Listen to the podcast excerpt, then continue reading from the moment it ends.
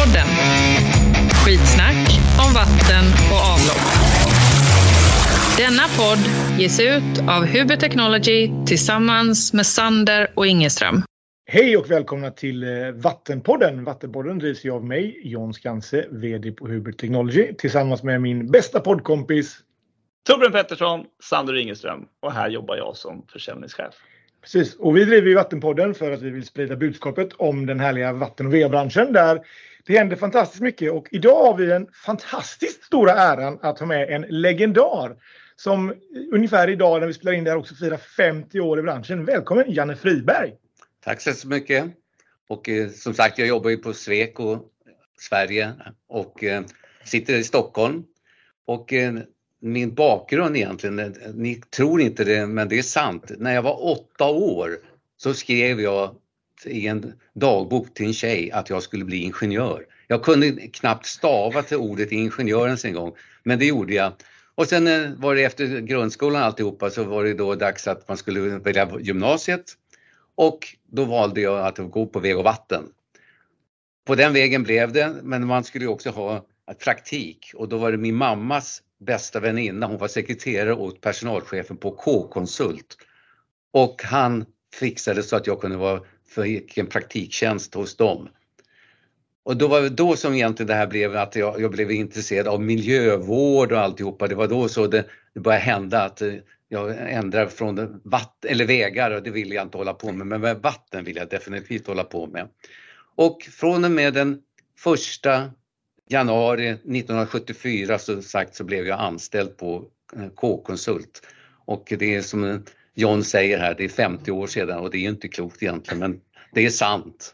Det är otroligt imponerande. Ja. Men snacka om att inte ha snubbeltråd in i vattenindustrin utan liksom redan när Janne Friberg sprang runt där åtta år gammal skulle impa på tjejerna så var det liksom ingenjör i va-branschen. Ja. Det verkar ju gått bra ändå. Ja, det kan man ju säga. Det har, ju, det har hänt ganska mycket men jag har ju haft många olika roller på de olika bolagen. Jag har varit egen företagare också och då har man ju lärt sig väldigt mycket om det här med pengar. Pengar är viktigt och det är inte bara att vara konsult och pengar är viktigt utan som leverantör och entreprenör som jag också har varit. Så att eh, man har ju kunnat göra vissa saker och förstått mer av entreprenörerna när man har skrivit saker som konsult också. Och det tycker jag är jätte, jätteviktigt att ha haft den kunskapen med mig.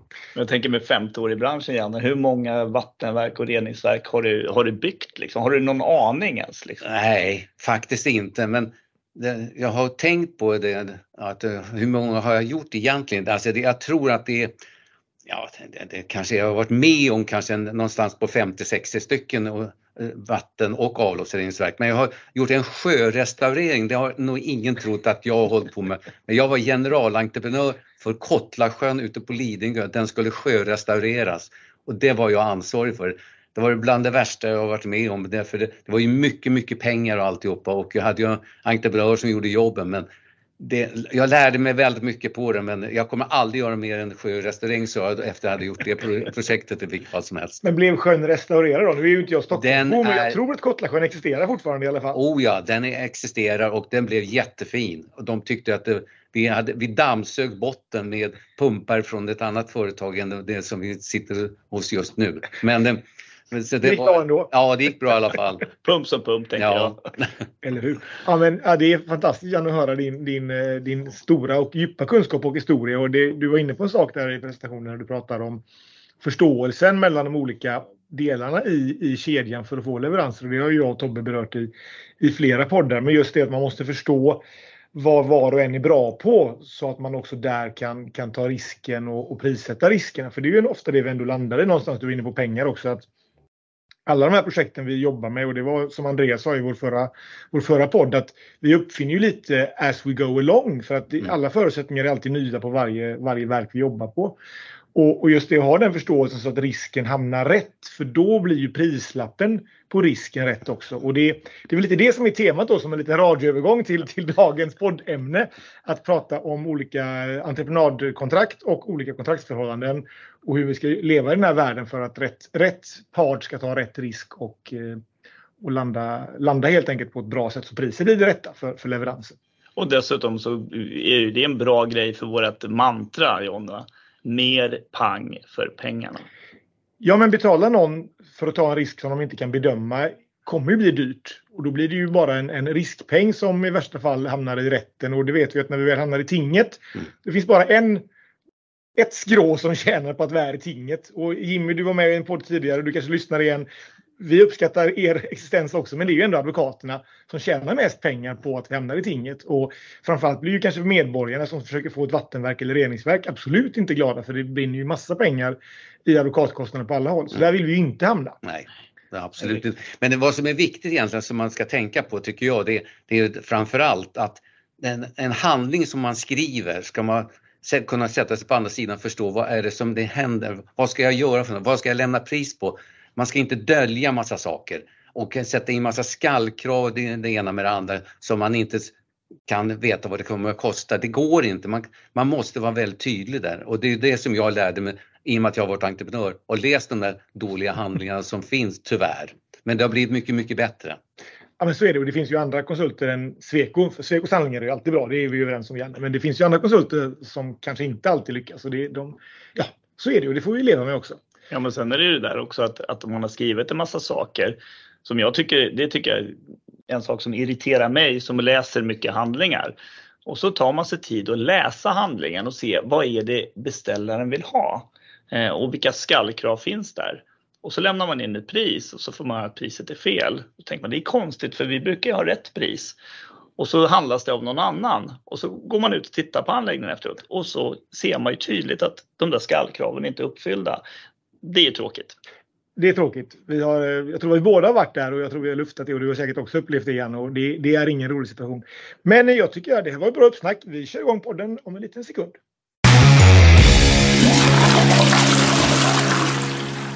Ja, men när vi har entreprenadformsgurun i Sverige, Janne Friberg, här hos oss så vore det ju lite kul om vi kunde gå igenom liksom, de vanliga entreprenadformerna, liksom ABT, ABM och så vidare. Och jag tänker också att det är viktigt att veta när som beställare ska jag använda vilken, när passar det? Och, eh, för det är säkert ganska många beställare som sitter där och säger så här, men nu ska jag göra ett jobb här på min anläggning vad ska jag välja för entreprenadform? Det borde vara första frågan, tänker jag, som man borde ställa sig innan man liksom tar sig vid. Vad passar här? Vad tänker du om det, Janne? Jo, absolut, det är självklart och jag brukar säga att det är jätteviktigt att vi sätter oss ner med beställarna och fråga vad är de vill för någonting med den här anläggningen och, och har de resurser själva eller inte? Och det är väldigt viktigt. Och för att när vi gör en AB till exempel och det är en utförande entreprenad, då ska ju vi rita fram alla detaljer och alltihopa. Och där vet jag att vi har haft mycket diskussioner i vattenindustrin angående det här med installationsritningar. Och vi konsulter tycker ju att det är jätteviktigt att vi lägger över det på entreprenören att göra installationsritningar. Men vi har blivit bättre och bättre på att göra installationsritningar. Vi ritar ju idag ett till ett egentligen. Mot förr i tiden när en annan började, då ritade vi ett på 100, ett på 50 och så vidare. Men det gör vi ju inte längre utan ritar ett till ett. Och då ska vi stå för de installationsritningarna. Och är det som så att beställaren vill att vi ska göra det så pass noggrant som vi gör då, ja då väljer man alltså helt enkelt en AB. Men om man nu inte har riktigt med resurser själv och tycker till om den här anläggningen, the black box som vi brukar säga i en ABT, ja då, då, väljer man det och då överlåter man ju alltihopa till en entreprenör. Men vad som då är viktigt istället, det är att man har skrivit ner en rambeskrivning och talat om vad är det den här entreprenaden ska omfatta för någonting. Och gör man inte det, ja, det finns inte saker som man tycker att det ska ingå. Vi har ju varit med om det att eh, en beställare, han, vi, jag gjorde en totalentreprenad åt en kommun och de tyckte då alltså att den här personalbyggnaden den är så pass dålig men det stod ingenting om det i rambeskrivningen och den ingick alltså inte. Men han tyckte då beställaren, det är självklart, det är en totalentreprenad, då ska det ingå den här personalbyggnaden också. Men han fick betala för den personalbyggnadens ombyggnad i alla fall. Så att det kan vara, sånt kan hända också. Jag tänker just själva rambeskrivningen känns ju viktig för att du ska förstå vad det är du vill ha. Mm. Alltså du måste ju någonstans veta det också. Alla vill ju ha ett nytt reningsverk eller ett nytt vattenverk som fungerar. Men skriva ett vattenverk som kan rena 10, 10 kubik i timmen till den här nivån. det blir en väldigt bred ram som blir väldigt svår att någonstans liksom räkna på tänker jag. Så det, det gäller ju att hitta rätt balans i hur mycket du vill jobba ner, jobba ner i materialet för att specificera vad du vill ha. Men vet du inte det som beställare så är det ju ännu svårare för oss som entreprenörer och leverantörer att veta vad det är du vill ha. Mm. Ja, det, jag håller med dig John. För att det, det är ju så här också, det är en del som använder ordet styrd totalentreprenad. Och det begreppet finns inte. Och det är det här som är det stora felet om man gör för noggrant i rambeskrivningen och talar om exakt vad det ska vara för utrustning. Det är inte det som den totalentreprenören, han tar fram den utrustningen som ska stämma för det här kravet som, som vi har ställt på honom i en rambeskrivning. Så att the black box, det är hans. Det är inte, det är inte vi konsulter eller beställare som ska tala om vad som ska finnas fin i den här enheten. Utan det ska renas eller både vatten eller avlopp ska renas på ett visst sätt. Men om vi tar skillnaden då mellan AB och, och ABT då, och så har vi ju delar och totalentreprenad också. Kan vi, kan vi sortera lite i det där? Ja, alltså AB är en delentreprenad. Det, det kan ju vara då en generalentreprenad, det kan vara en samordnad generalentreprenad och en vanlig delad entreprenad helt enkelt. Så att, och det är ju så, det, så alltså, då är det att vi konsulter tar fram allt material som ska vara för de här olika delarna. Men en totalentreprenör, då är det totalentreprenören som oftast anlitar en konsult som hjälper honom att ta fram både ett förslag på den här processlösningen och även då att de upprättar ritningar, de installationsritningar som krävs. Det är svårt scope där att hitta och förstå hur mycket jobb man behöver lägga ner som, som entreprenör och leverantör i de olika delarna. Sen får man en, en AB så är det ju ändå ganska spe, väl spesat vad det är ja. man ska leverera. Så den är ju nästan lättare att räkna på och innebär ju i min värld i alla fall mycket mindre riskpengar som leverantör till en entreprenör som har en AB med sig. Medan ABT någonstans då upplever jag personligen i alla fall att risken smetas ut lite grann mellan entreprenören och leverantören och så blir det ett litet gungfly mellan de ja. två, vem som ska stå för vad där. Och, och, vi alla vill ju naturligtvis leverera väl fungerande verk. Mm. Men, men risken där känner jag kan bli lätt, lätt lite lurig. Ja, för att det är ju så här att i en AB så är det ju faktiskt konsulten som har mycket ansvar för funktionen. Det är konsulten som skriver ner det. Och det baserar sig också då på en ABK. Alltså det är vårat som vi har med, ja det ska vara grov vårdslöshet och sådana saker om det är så att vi ska bli ersättningsskyldiga för saker och ting. Men tyvärr, eh, tyvärr ska jag inte säga, men det, det händer ju emellanåt att vi blir ersättningsskyldiga också för att vi har gjort felaktigheter i, i det antaget när vi gjorde processen. Men en ABT, då är det ju totalentreprenören som har både process och funktionsgarantin och det är mycket tuffare gentemot ja, er som leverantörer också för att ni kommer ju hamna i ett dilemma att en totalentreprenör, han vill ju nästan handla upp en totalentreprenad av er som leverantörer. Och det tycker jag ju det är helt felaktigt. Men vi kan ju också säga som så att en, ABT, alltså en handling som baseras på en ABT, den är ju inte riktigt bra för att ABT 06 är för husbyggnad, det är inte för en processanläggning. Tack Janne att du klargör detta för ja. lyssnarna. För jag brukar någonstans hävda att ABT använder du när du ska bygga mål av Scandinavia. Men ska du bygga en processanläggning så finns det andra eh, entreprenadformer och kontraktsformer att, att använda istället. i min, min tydliga uppfattning i alla fall. Absolut och, och vi har ju börjat med eh, och tagit fram olika handlingar och hjälp eh, i vattenindustrin. Och där har vi nu tagit fram en bilaga till ABT som grunden finns mycket i ABA 99 för ABA 99 passar för en processanläggning. Men där måste man tyvärr ha en ABT med för att ABA 99 är inte för husbyggnad, den är för en processanläggning. Så att det är väldigt viktigt att det ser skillnader. Men vi har valt att göra en bilaga nu. Vi har tagit fram en som vi har hänvisning till ABA 99 och en utan ABA 99. För att våra jurister på teknikföretagen har tyckt att vi ska inte blanda entreprenadformer och det håller jag faktiskt med dem om. Så att vi hoppas att de ska acceptera den nya bilagan som vi har med som ska vara bilaga till ABT 06. Vi kan ju puffa lite för, för vart den där finns någonstans också. Det, för den kan du ta ner på hemsidan för vattenindustrin. Precis, ja, men, och det, det, är ju det fina med vattenindustrin där, där samlas ju vi som kanske träter i vissa projekt så sätter vi oss faktiskt sida vid sida och funderar på vad är det som, som vi träter om och varför är vi inte nöjda med den här riskfördelningen. Så att det låter ju lite som musik i, i, i allas öron tänker jag att det kommer en bra bilaga till ABT 06 då om jag tolkar det rätt, som, mm. som spesar just det riskförhållandet. Och precis som du kommer tillbaka till, till funktionsgarantin och jag har ju varit med om en del upphandlingar där man ska ha någon form av Alltså på ett, på ett hus så har du väl 10 års funktionsgaranti eller vad det nu heter i ABT.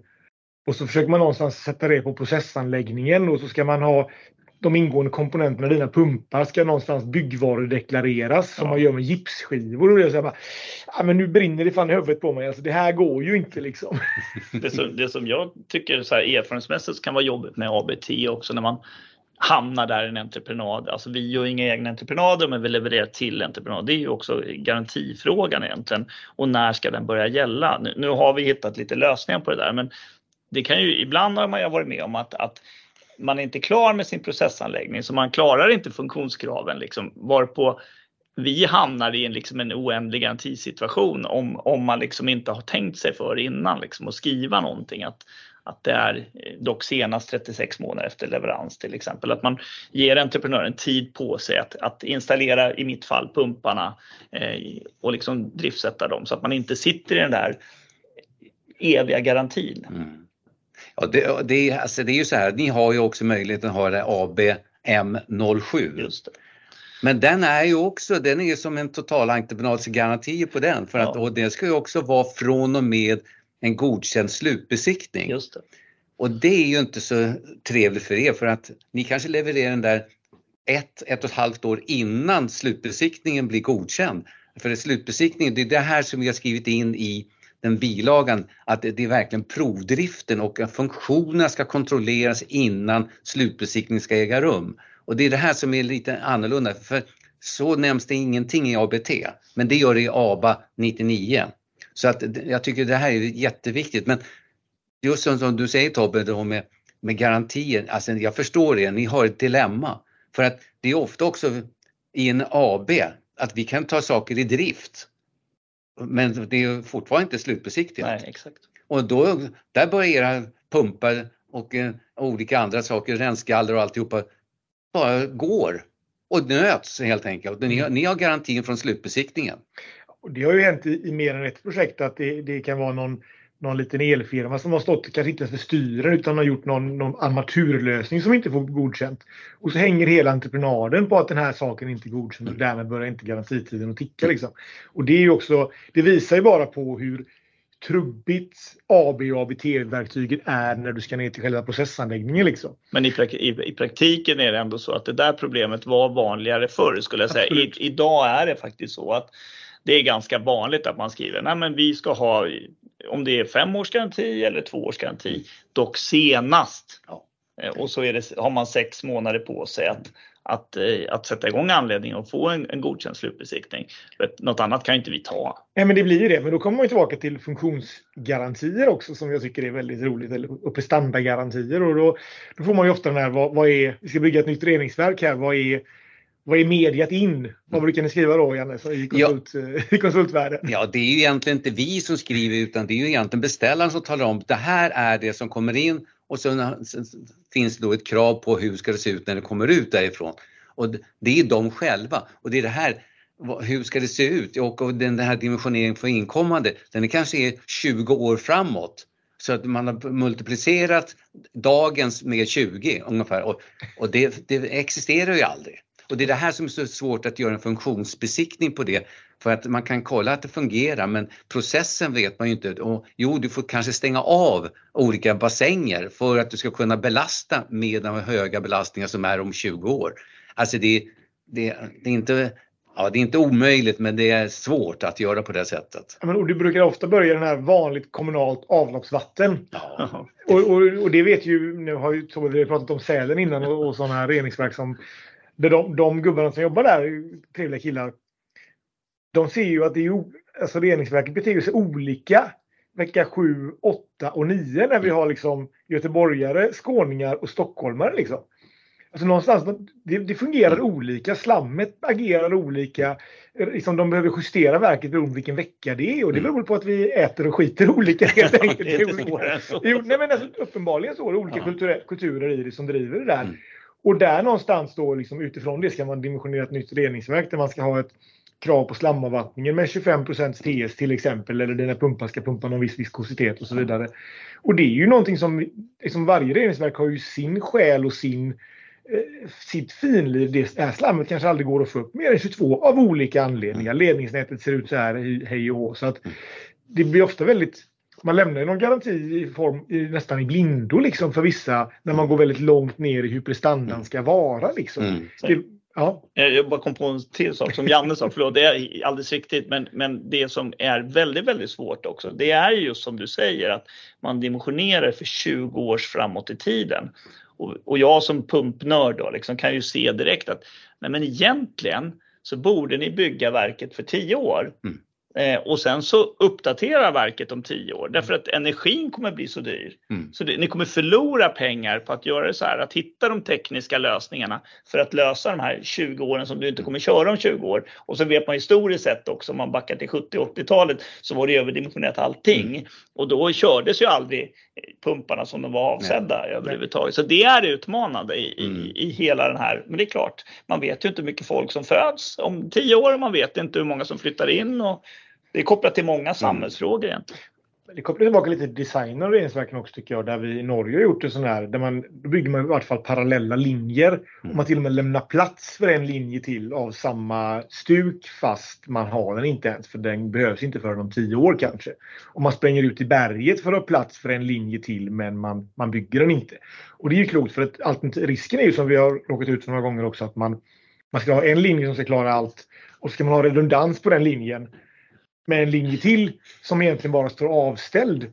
Och, det, och sen har du fortfarande bara hälften av belastning så du bygger bara en, en stor jäkla trekammarbrunn där allting sedimenterar i olika steg för att du har inget flöde i det. Och så måste du motionsköra grejerna också. Liksom. Så Ja. det går inte bara att låta dem stå. Nej, men det har blivit mycket mer vanligt i dagens läge att vi tittar alltså på en pump, kanske då håller 10-15 år i bästa fall. Vad är det för flöde vi ska ha på en pump för att klara det flöde som vi har som en distributionspumpar exempelvis.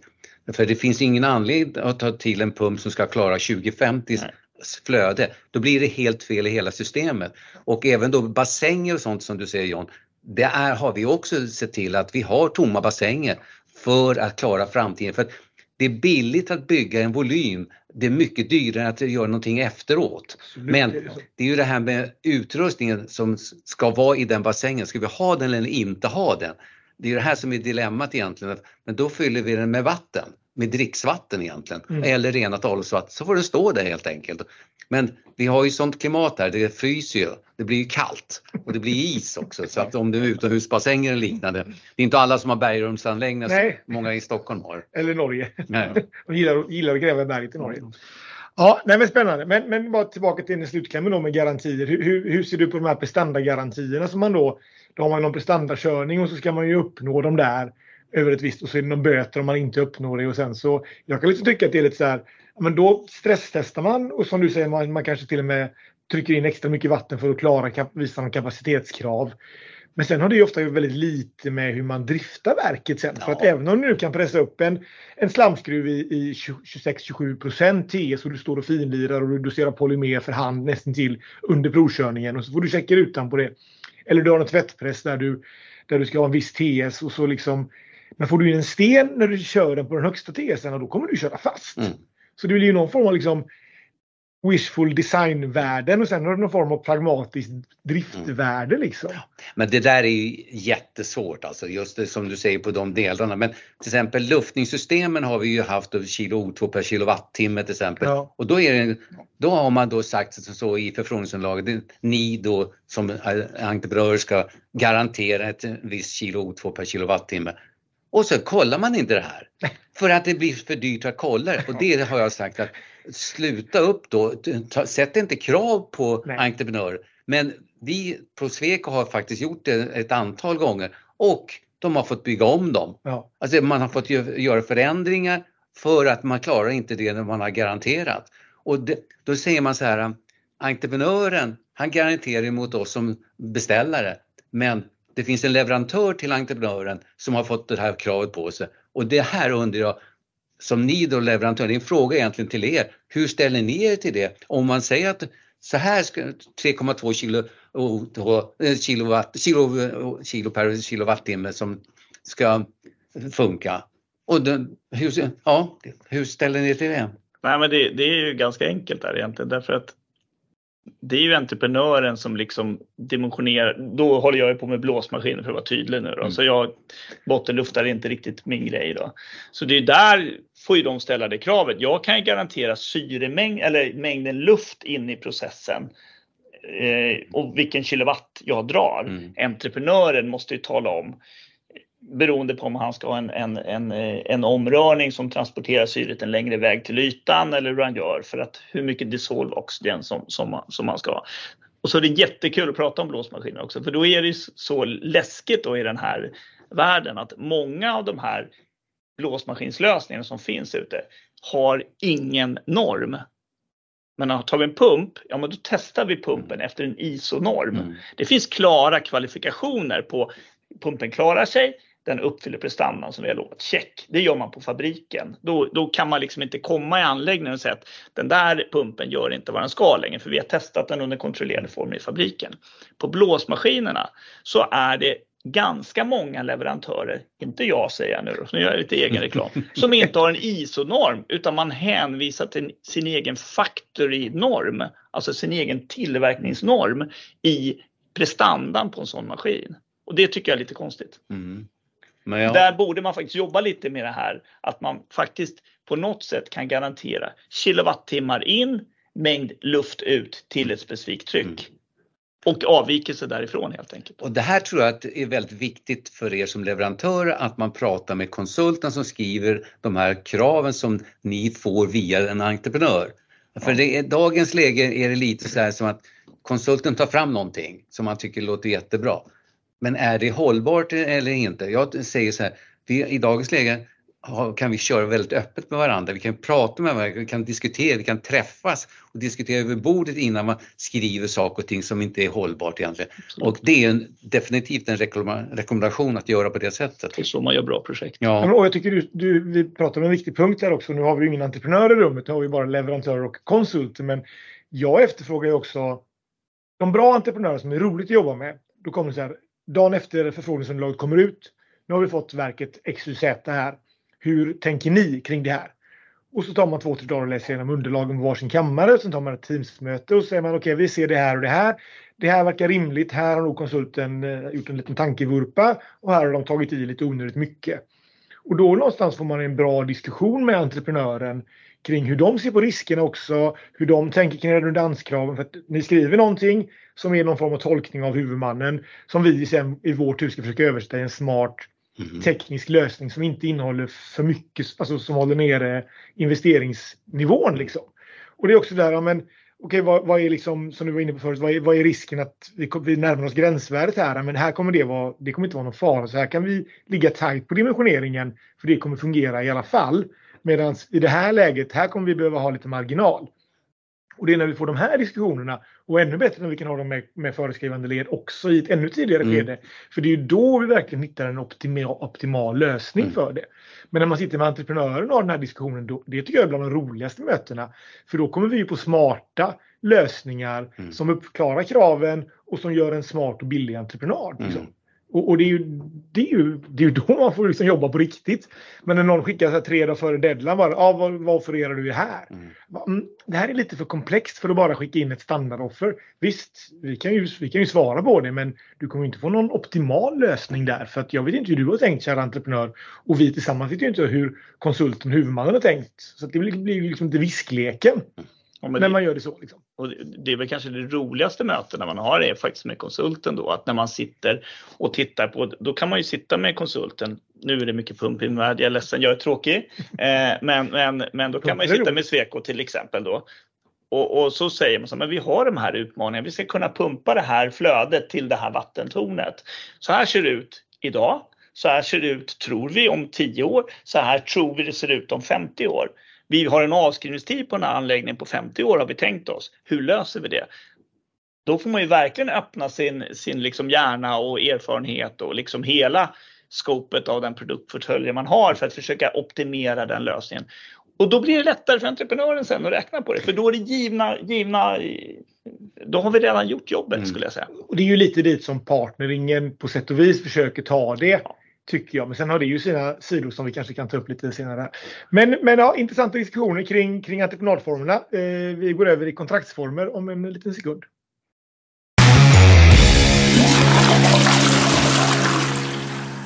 Ja, och när vi kör våra entreprenader så, så, eh, så har vi en del underliggande kontraktsformer också. Vi som maskinleverantörer, vi gillar ju våra NL, eh, NL17 och NLM18 som vi tycker är väldigt trevliga. Och de har ju teknikföretagen tagit fram tillsammans med, med kunderna och så vidare.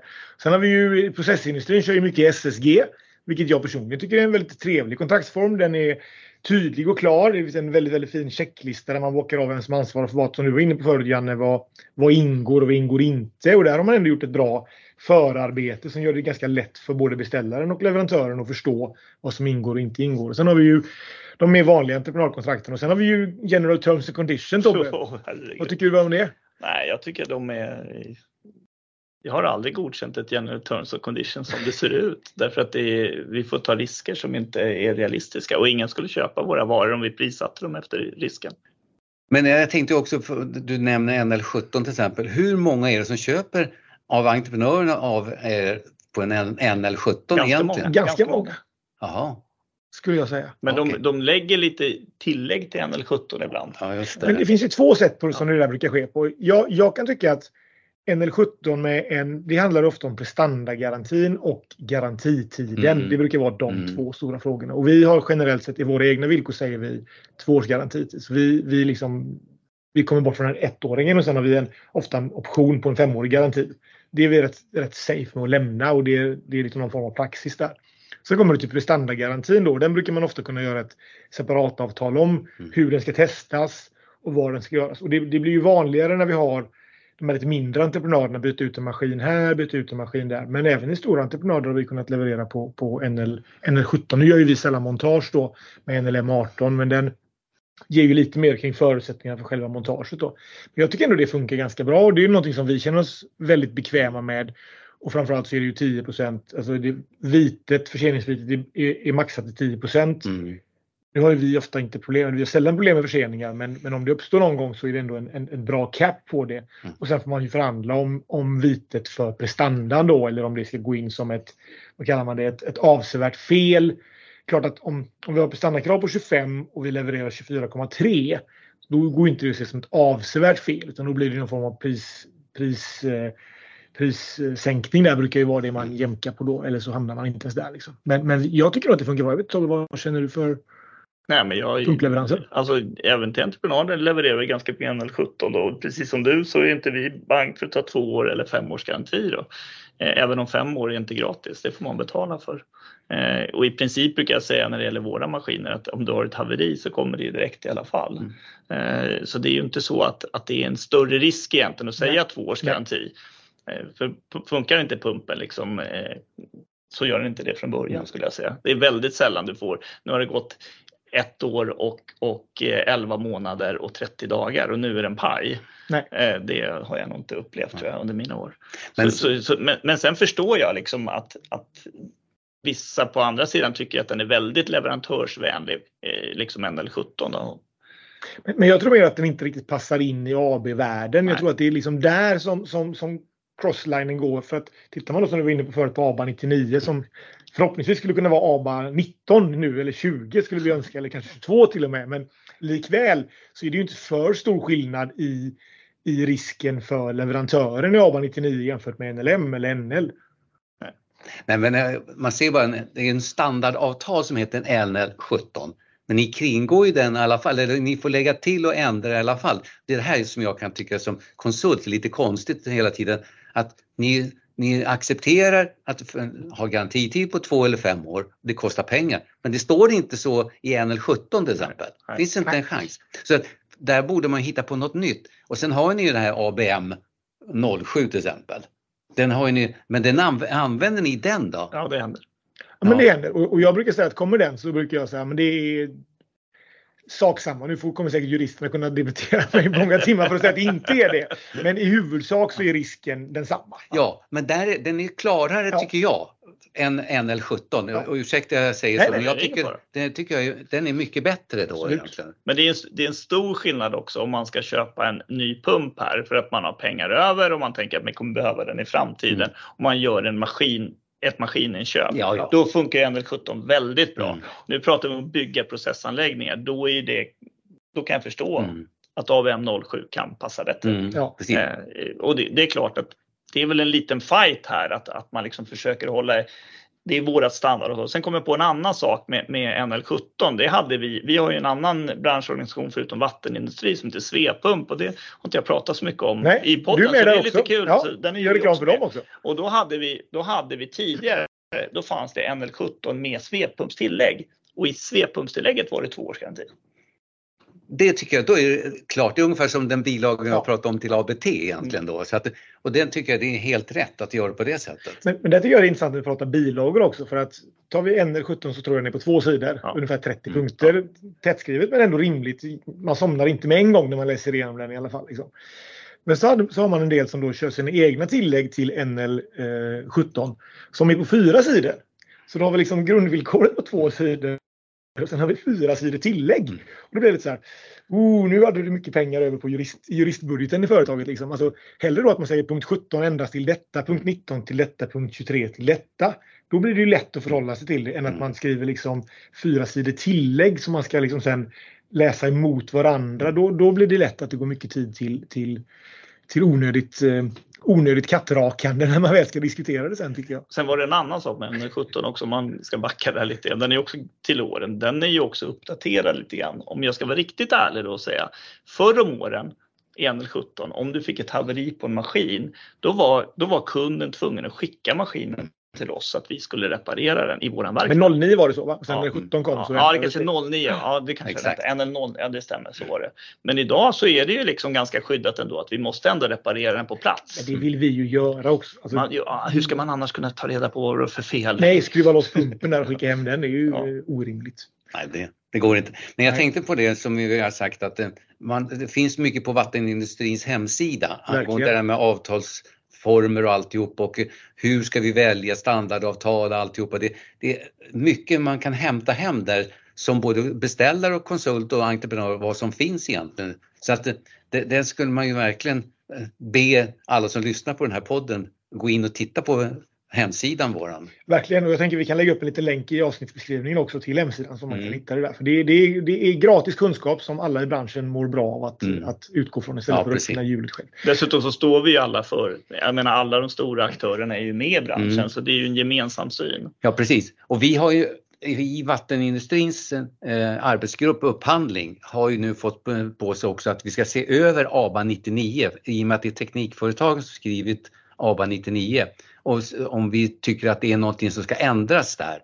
Då ska vi den- bara titta på ABA 99, vi ska inte titta på ABT eller någonting sånt utan och det håller vi på med och vi ska ha ett möte i nästa vecka om detta. Så att, eh, Spännande. Det rör sig även Ja. i avtalsdjungeln. Liksom. ja, Men, och, jag, ska vi hårdra lite, men jag kan ofta uppleva att huvudmannen säger men vi vill inte ha något ansvar, vi vill inte ha någon risk. Och så försöker man, men vi vill ha ett reningsverk som fungerar jättebra. Och så skickar man det neråt i olika avtalsformer och i olika entreprenadformer. Och jag kan tycka att det känns lite sådär. Det är klart att det är en risk att bygga ett reningsverk. ja Alltså, alltid. det, och det måste man kanske fejsa lite att det är en risk. Och nu har vi haft, vi har ju haft dyrtider. Liksom vi har haft inflation som jag aldrig upplevt i mitt liv. Du var ju du var säkert varit med om 500 ränta Janne. Så att, två gånger om kanske till och med. Nej, en gång. Ja, och tur är väl det. Ja. Men man har liksom ändå, jag har inte upplevt det här i min affärsvärld. Och det är varit spännande att jobba med korta hålltider på, på offerter och eurokurser som rör sig och sådär. Eh, Men det är också en risk som alla kommuner ställs inför. Mm.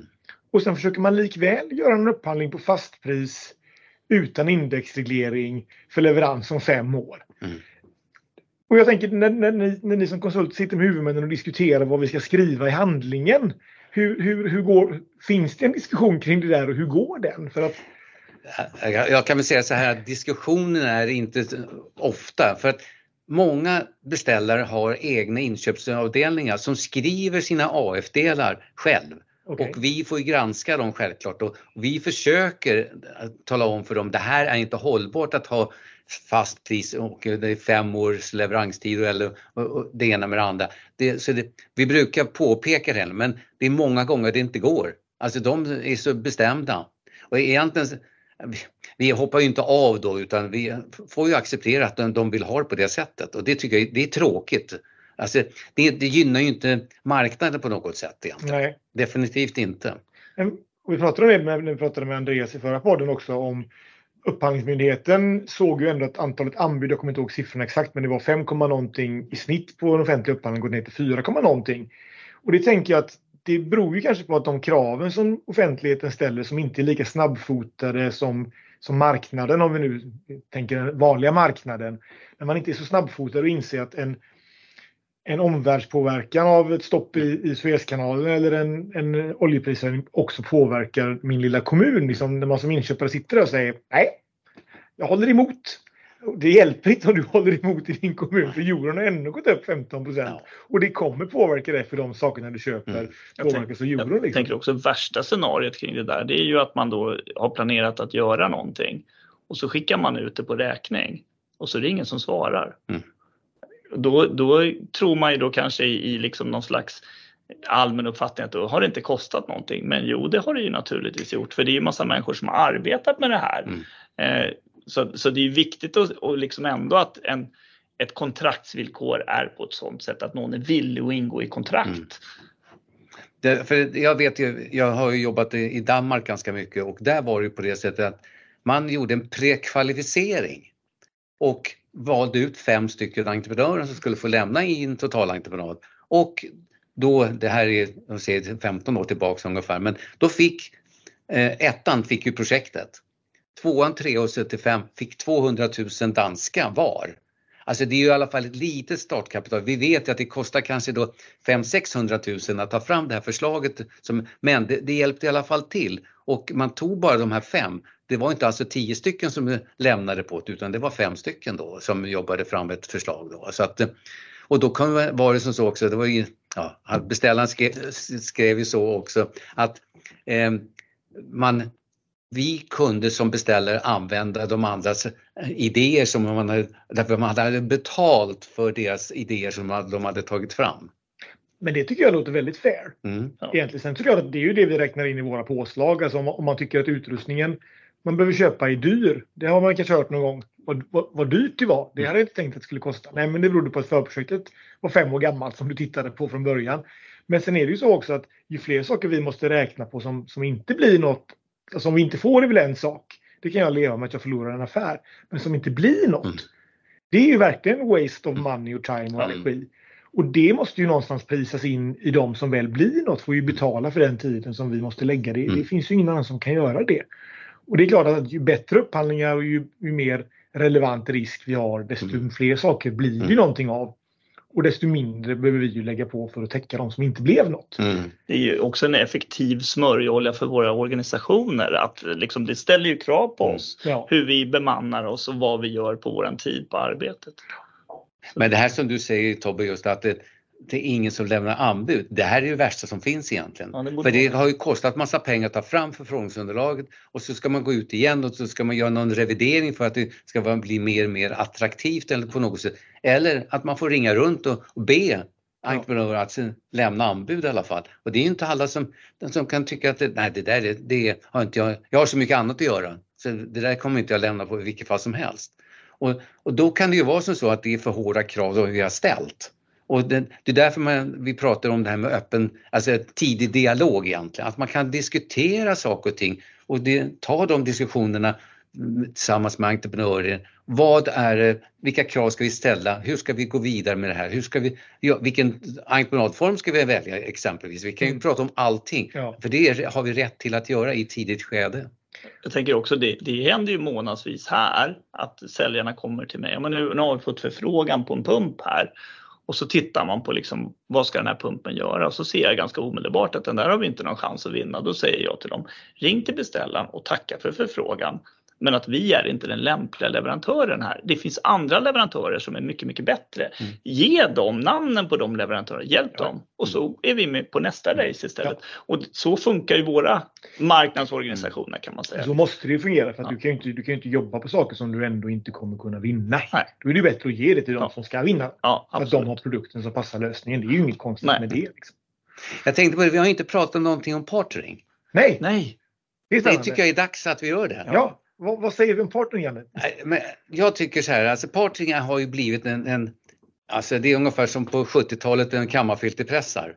Eh, alla skulle ha kammarfilterpressar, nu ska alla ha partring. Alltså, och partring är väl bra i vissa hänseenden, alltså om man tycker att man vill vara med och bestämma och tycka till om saker. Det, det är lite att kringgå tycker jag lagen om offentlig upphandling för att man handlar upp någonting på, det är mjukvara typ alltihop, 80-90 är mjukvara.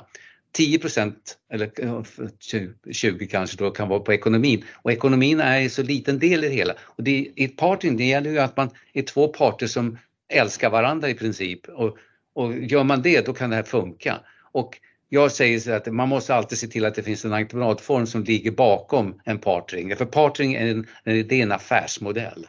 Och eh, vi har ju då på Sweco tagit fram ganska många sådana förfrågningsunderlag men det måste vara transparent den utvärderingen så att eh, alla vet vad kommer vi att utvärdera och vi gör ju då att vi utvärderar det skriftliga som lämnas och en muntlig presentation från entreprenören. Det utvärderas också av tre olika människor. Oftast konsulten och sen två stycken från eh, beställarsidan. Och det har varit jättebra. vi har kanske gjort, eller jag har väl gjort ungefär kanske ett 40-tal sådana och än så länge har inte den blivit överklagat. Nej. Och det kan ju innebära att, att det är bra eller är det som så att de tycker att det finns ingen anledning att överklaga. Det är, det är svårt att överklaga mjukvaror egentligen då. Men, ja. men eh, om vi säger så här, som jag säger entreprenadformen, jag tycker att det ska vara en ABT som ligger till grund för det hela. AB, det känns lite konstigt att mm. vi som konsulter ska ta fram någonting, rita in det vi vill ju höra ifrån entreprenadsidan, vad är det som vi ska göra, hur ska vi göra här? Ska vi göra en, den den bassängvolymen på det och det sättet? Eller någonting att man tar dit en leverantör och diskuterar öppet. Vad ska vi göra för någonting här? Hur ska det här se ut egentligen? Då blir det samverkan och då får beställaren vara med och tycka till om det tillsammans med konsulten och eh, leverantören det som jag kanske, de partneringen vi har varit med i när vi har fått vara med som leverantör, för jag, jag kan tycka lite att vi blir lite åsidosatta. För man gör, en, man gör en upphandling och så får man in en, ofta kanske det är en större byggare, eller till och med, det kan inte ens är en byggare utan en, ett, ett byggkonsultföretag som inte är Sweco som är breddkonsult utan de är byggkonsulter som driver den här. Och sen ska det i sin tur in en, en byggfirma och så ska det in en entreprenör. Eh, men någonstans så glömmer man ofta i processdelen bort leverantören som sitter på kunskapen, det vill säga man förlitar sig på entreprenören. Entreprenören ingår i partneringen och får betalt för sina timmar. Men man ställer inget krav på att det ska med en leverantör som ska sitta på kärnkunskapen. Och, och, och det är vi nog gärna med till och med, nu ska jag kanske out, men vi är gärna med gratis.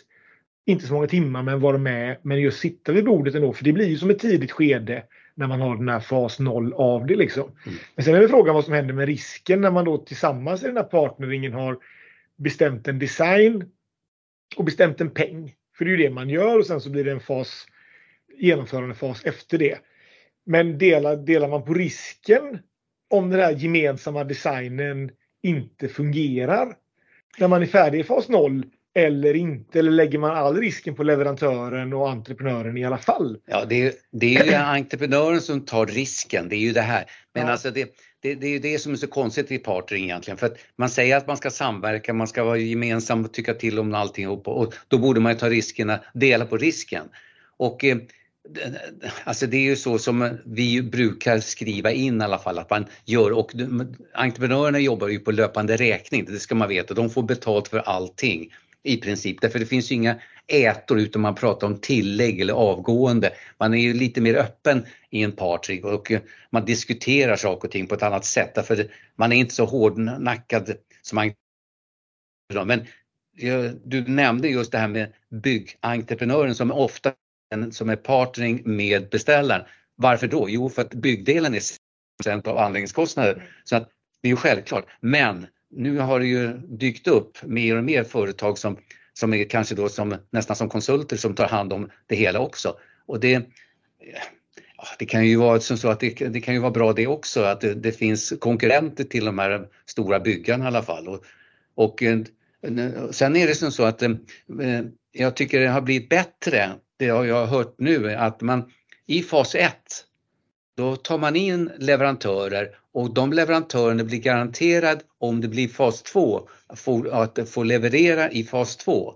Och det tycker jag, för ni, om ni ställer upp gratis i fas 1, men då ska ni veta att ni, ni kommer att få projektet om jag som entreprenör får fortsätta i fas 2.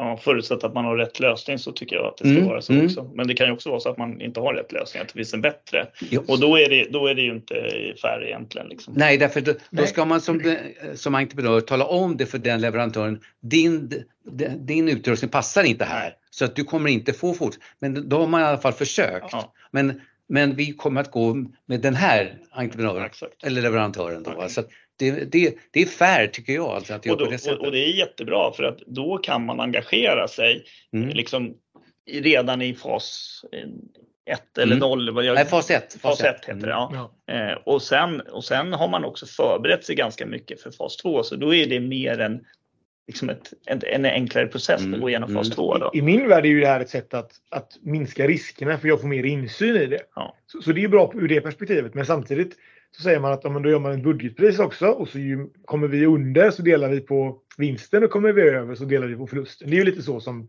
Nej, de alltså, bygger ibland. Eller? Ja, ja, eller? Nej, alltså jag säger, säger sånt, jag vill inte ha ett incitament, det du pratar om. För Nej. Jag vill inte att de ska nalla på eh, Kvalitet. kvaliteten egentligen. Nej, Därför att det, kvaliteten är det jätteviktigt att vi ska hålla uppe. Det är det som har varit målet som redan från Varim-tiden när vi hade upphandlingsgruppen och alltihop att vi ska se till att kvaliteten blir bättre och bättre och bättre. Det ska inte vara någonting annat utan vi ska inte hålla på med parting med incitamentsavtal, nej. Och det, det, jag har inte varit med om ett enda kan jag säga. Men det, och det låter ju klokt egentligen för att det, annars blir ju den risken som du säger att man snålar för att komma ner under. Och sen så kanske alla, ja det blev en bonus till båda delar mm. men, men anläggningen funkar inte. Nej. Och så ger man den till nästa generation och så är den bara en kaosanläggning. Exakt. Eller, funkar för kort tid. Ja men så kan det ju också vara naturligtvis. Men, men återigen då tillbaka till den här risken. Det är lite intressant när man då har gjort en gemensam bestämmelse att det här, nu, nu är vi överens om att den här lösningen tror vi på. Och sen så skickar man ändå hela risken neråt i vissa fall. Den, den kan jag ju förstå att entreprenörerna och framförallt om du har en byggentreprenör eller byggkonsultentreprenör emellan som sen skickar allting för processen neråt fast man har varit med och gjort ihop det där.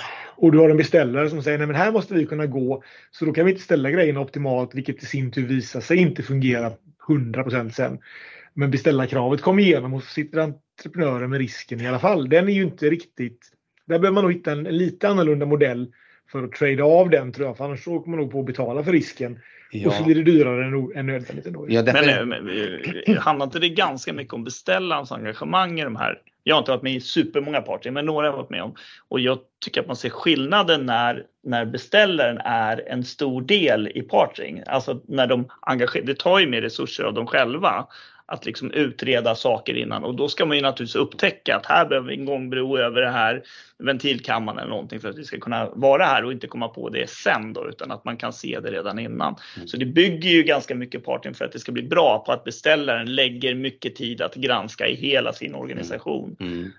Därför jag var ju med till exempel och byggde, eh, var byggprojektledare för vattentornet i Nykvarn. Och det var ett partring och med en entreprenör och det var ju som så, det, vi kom fram till att det var förorenad mark. Det visste vi inte från början. Ja, det blir tillägg, det är självklart. Alltså, och det, där var jag ju beställare egentligen så att jag var ju medveten om alltihop det här. Så att det, som du säger Tobbe, det, beställaren måste vara engagerad i, mer i en partring än i en, i en totalentreprenad. Absolut, alltså. jag tror att, det är jätteviktigt. Ja, för annars är det inte någonting att man samverkar inte annars. Därför att, och riskerna som du säger John, alltså det, det här är, det kan vi diskutera hur mycket som helst och, och även då om man pratar om garantier och alltihopa, vad, om garantikostnader. Ja, det finns ju en, en det läggs, görs en kalkyl i fas 1 för fas 2 och i den får man ju lägga in risker och sånt och då får man diskutera det här öppet med den här entreprenören. Vad ska vi lägga in? Det, det, det måste vara där. och då blir det ju ändå bra, tänker jag, för att om vi har en diskussion kring det. Så det är ju som att köpa en försäkring. Mm. Ja, men om inte jag orkar lägga tid på det så låter jag någon annan göra det. Mm. Och då kommer det kosta Mm. mer. Och, och så köper man sig en, en försäkring mot att det funkar eller inte funkar. Liksom. Och det är ju så vi jobbar också när vi lägger på riskpeng. Mm. Då har vi råd att då har vi råd att om det inte går som vi tänkt Mm. för det vi inte kan förutse. Liksom. Mm. Absolut. Ja, spännande. Fick vi ta ett partnering också. Bra där Janne. Viktigt att ha med i, de, i dessa tider. Eh, men jag tycker vi försöker sy ihop den här podden om en liten, liten stund.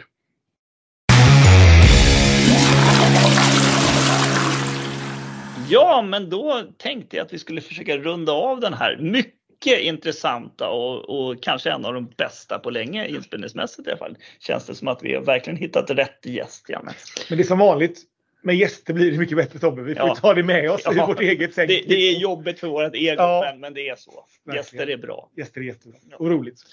Men Janne, vi, vi, vi tittade ju på lite bilder och pratade om och du hade något, något reningsverk som du hade byggt som man åker förbi när man kör. Vad är det, 70 eller vad är det för? Väg 70, Väg 70. förbi Gräddö mejeri åker man ner i en backe och så ser man ett reningsverk på höger sida och som jag var ansvarig för arkitekturen på den och det är någonting jag ångrar att jag tog det ansvaret. Men, och jag, jag, som sagt, det det är på vägen upp till Sälen eller Idre eller vad man vill. Så alla ser den. Alla ser den där. Så att, eh, och då kan, när ni åker förbi där så kan ni tänka det där är Jannes ja, fel att den ser ut på det sättet. Men fuskade du som arkitekt eller tog du in en billig arkitekt? Eller hur, hur, hur, hur blev arkitekturen som den blev? Nej, det var bara så att jag var tvungen att hitta på någonting snabbt. När jag, i, princip på ett byggmöte fick jag sitta där och tala om vilka färger det skulle vara på dem för att de skulle beställa plåten. Och det, det blev ett slät plåt och en korrugerad plåt. Alltså den, nej, men som sagt, ni, ni kan titta på den när ni åker förbi. Jag är inte stolt över den på något sätt. Så du fuskade alltså som arkitekt på byggmötet? Ja, jag vill inte säga att jag var fuska, men jag, Ja, vad härligt ändå. Ja, nej, vad är det fulaste reningsverket du har varit på Tobbe? Om vi ska utse dem. Oh, den är taskig. Jag, Ja, jag vet, vet det. fan om jag knappt törs det. men- vågar vi outa? Janne Ja. vågar ändå outa, men det, det är Ja, lite hans nej, eget fel alltså, också tänker jag. Första gången jag tänkt på, när jag, men det var länge sedan och det ser säkert inte likadant ut. Men jag, jag minns när jag kom första gången till Ljusdals reningsverk. Eh, och då hade man ju liksom täckt bassängerna med någon slags tennistält i Ljusdal. Och så var det en, en, eh, en operatörscentral då, liksom en, eh, där man såg alla flöden och allting på väggen. Och så var det liksom en trästomme till vägg. Och där satt ju folk i skitstanken. Så jag tänkte, hur fan kan folk jobba här? Det luktar ju sånt avlopp och svavelväte. Men de tyckte ju det var inget konstigt att sitta och dricka kaffe och, och, och sådär. Men det reagerar jag på. Sen ska jag inte säga att reningsverket var det fulaste. Men eh, det var när man sålde de gamla Rima-pumparna. Så gammal är jag. Mm. Ja, ja. ja, nu ligger frågan i luften till mig också. Men jag kommer Ja. ta det snyggaste reningsverket. Ja, schysst, jag tog den, Jonas. jag tog den där. Men vi, vi, var, vi byggde en anläggning i Norge i Öjgarden utanför Bergen. Som man kan se på vår hemsida. Den är väldigt, väldigt fin. Och, och de, han var väldigt, väldigt stolt. Han är väldigt, väldigt stolt, Bjarne, som har byggt det här då för, för det är liksom lite hans legacy och så vidare. Eh, och, och då hade vi eh, våra tyskar, vi, vi var nya maskiner vi installerade som vi inte hade kört innan. Så vi installerade dem där och de funkar väldigt bra. Och då hade vi uppe två tyskar som var där och hjälpte oss. Och det var ju så liksom vit overall på när det var inne i reningsverket och de var ju så här, ska man ha overall på sig? Men det köpte de ju då. Och så dagen före invigningen så var det ett gäng, en städfirma som städade. Du vet, torkade av, putsade det rostfria, du vet. Liksom, och de, de här tyskarna de gick där och kliade sig i huvudet. För de är ju vana vid liksom, utanlägg och sådär. Så de bara, men herregud, har ni folk som städar anläggningen? Liksom, inte bara att man grovstädar, så tar undan sågspånet och liksom kapbitarna. Utan det var verkligen putsade, det rostfria och drog över alla lejdare och allt sådär. Det var helt fantastiskt. Så var det en orkester in och borgmästare med sånt, du vet. Eh, regalier som invigde och det var, det var jäkligt fint. Alltså, det, gjorde, det gjorde vi faktiskt tillsammans med Purak ska vi ge. Det var jäkligt fint anläggning vi fick gjord där. Så det är faktiskt det finaste jag har varit på. Och så ska jag tänka ut det fulaste till, till nästa podd. Jag känner ju att Och då ska jag är ju skyldig svaret. Då ska jag tänka ut det snyggaste. Jag tycker det också. Men jag kan inte tala om det snyggaste som Ja. jag har varit med om. Det är Bodums reningsverk uppe i Örnsköldsvik. Det är ett suteränghus och det är direkt ner mot Umeälven och det är till och med masebjörk, skinnfåtöljer inne och masebjörk på bord och allt och jobba. Och eh, jag vet att folk har varit där 20 år efter och det ser likadant ut. Det är så välstädat och så de var så måna om de här möblerna som de fick. De var jättedyra men vilken utsikt de har ifrån det kontrollrummet rakt ner mot Umeälven. Och det ligger som suterräng och det är en björkar som vi planterade där. Det kostades på jättemycket men det är en av de finaste anläggningarna jag vet i, i Sverige. Så då ska jag outa den snyggaste utsikten på ett reningsverk. Det måste ju ändå Visby ta alltså. Det ja. är ju läckert när man är där uppe på kullen och tittar ner. Visby. Ja, Nynäshamns är inte... Inte dåligt heller. Inte dåligt Ska vi slänga in Långvik i Lysekil också som ja, ligger rakt ut mot Nu pratar vi västkusten, vi ja. pratar ju östkusten. Ja, ja, precis. Ja. Det, är ju, det är ju för att vi alltid har den här kampen. Ja, precis. Lite olika... Baksidan och framsidan. exakt, exakt. Ja, nej men jättebra. Jättekul att ha dig Janne. Otroligt roligt att få ta del av all din kunskap och höra, höra, höra allt du har fått vara med om under dina 50 år i branschen. Jag hoppas verkligen jag får 50 år i branschen också. Jag får nog skynda mig om jag ska hinna med det. Men Alltså, vi kommer börja jobba till vi är typ 75 Tobbe, du och jag. Så att, ja, ja. Eller jag kommer nog behöva göra det i alla fall. Så jag kanske får upp 50 år, vi får se. Eh, nej, men stort tack, jättespännande, jättekul att lära sig och ta del av all, all din kunskap och höra. Och jag tycker vi tänker mycket samma och det är skönt att höra det. Då är vi på samma sida bordet, konsulter och, och leverantörer och entreprenörer. Så ska vi bara få med huvudmännen och tänka ett varv till så kan det nog bli riktigt, riktigt bra framöver. Men det vill jag lägga till en sak innan vi avslutar. Just med våra huvudmän. Alltså typ Käppala, Stockholm Vatten, de här större har blivit mycket, mycket, mycket bättre för att de vill ju se framtidens konsulter, framtidens eh, ingenjörer egentligen. Så de accepterar helt och hållet nu att vi har med oss en yngre när vi är ute som seniorer. Och eh, det tycker jag är, det ska de ha en eloge för och det hoppas jag att lite fler kommuner kan tänka på samma sätt egentligen. För att man gör alltid nytta, man kan skriva ett protokoll, man kan göra någonting som yngre men därför att kraven idag ställs ju på de här konsulten som ska vara med att eh, man har tio års erfarenhet. Hur ska de få erfarenhet om de inte får vara med? Och det här är ett sätt att göra på det sättet tycker jag. Och det är perfekt alltså. Så att, eh, hoppas att det blir bättre. Sen är det som så att eh, man är, jag är ju senior som ni förstår så att, eh, och att man utnyttjar seniorerna lite bättre. Alltså, för vi har ju dock varit med, som jag då är 50 år, man har lärt sig någonting under den här tiden i alla fall.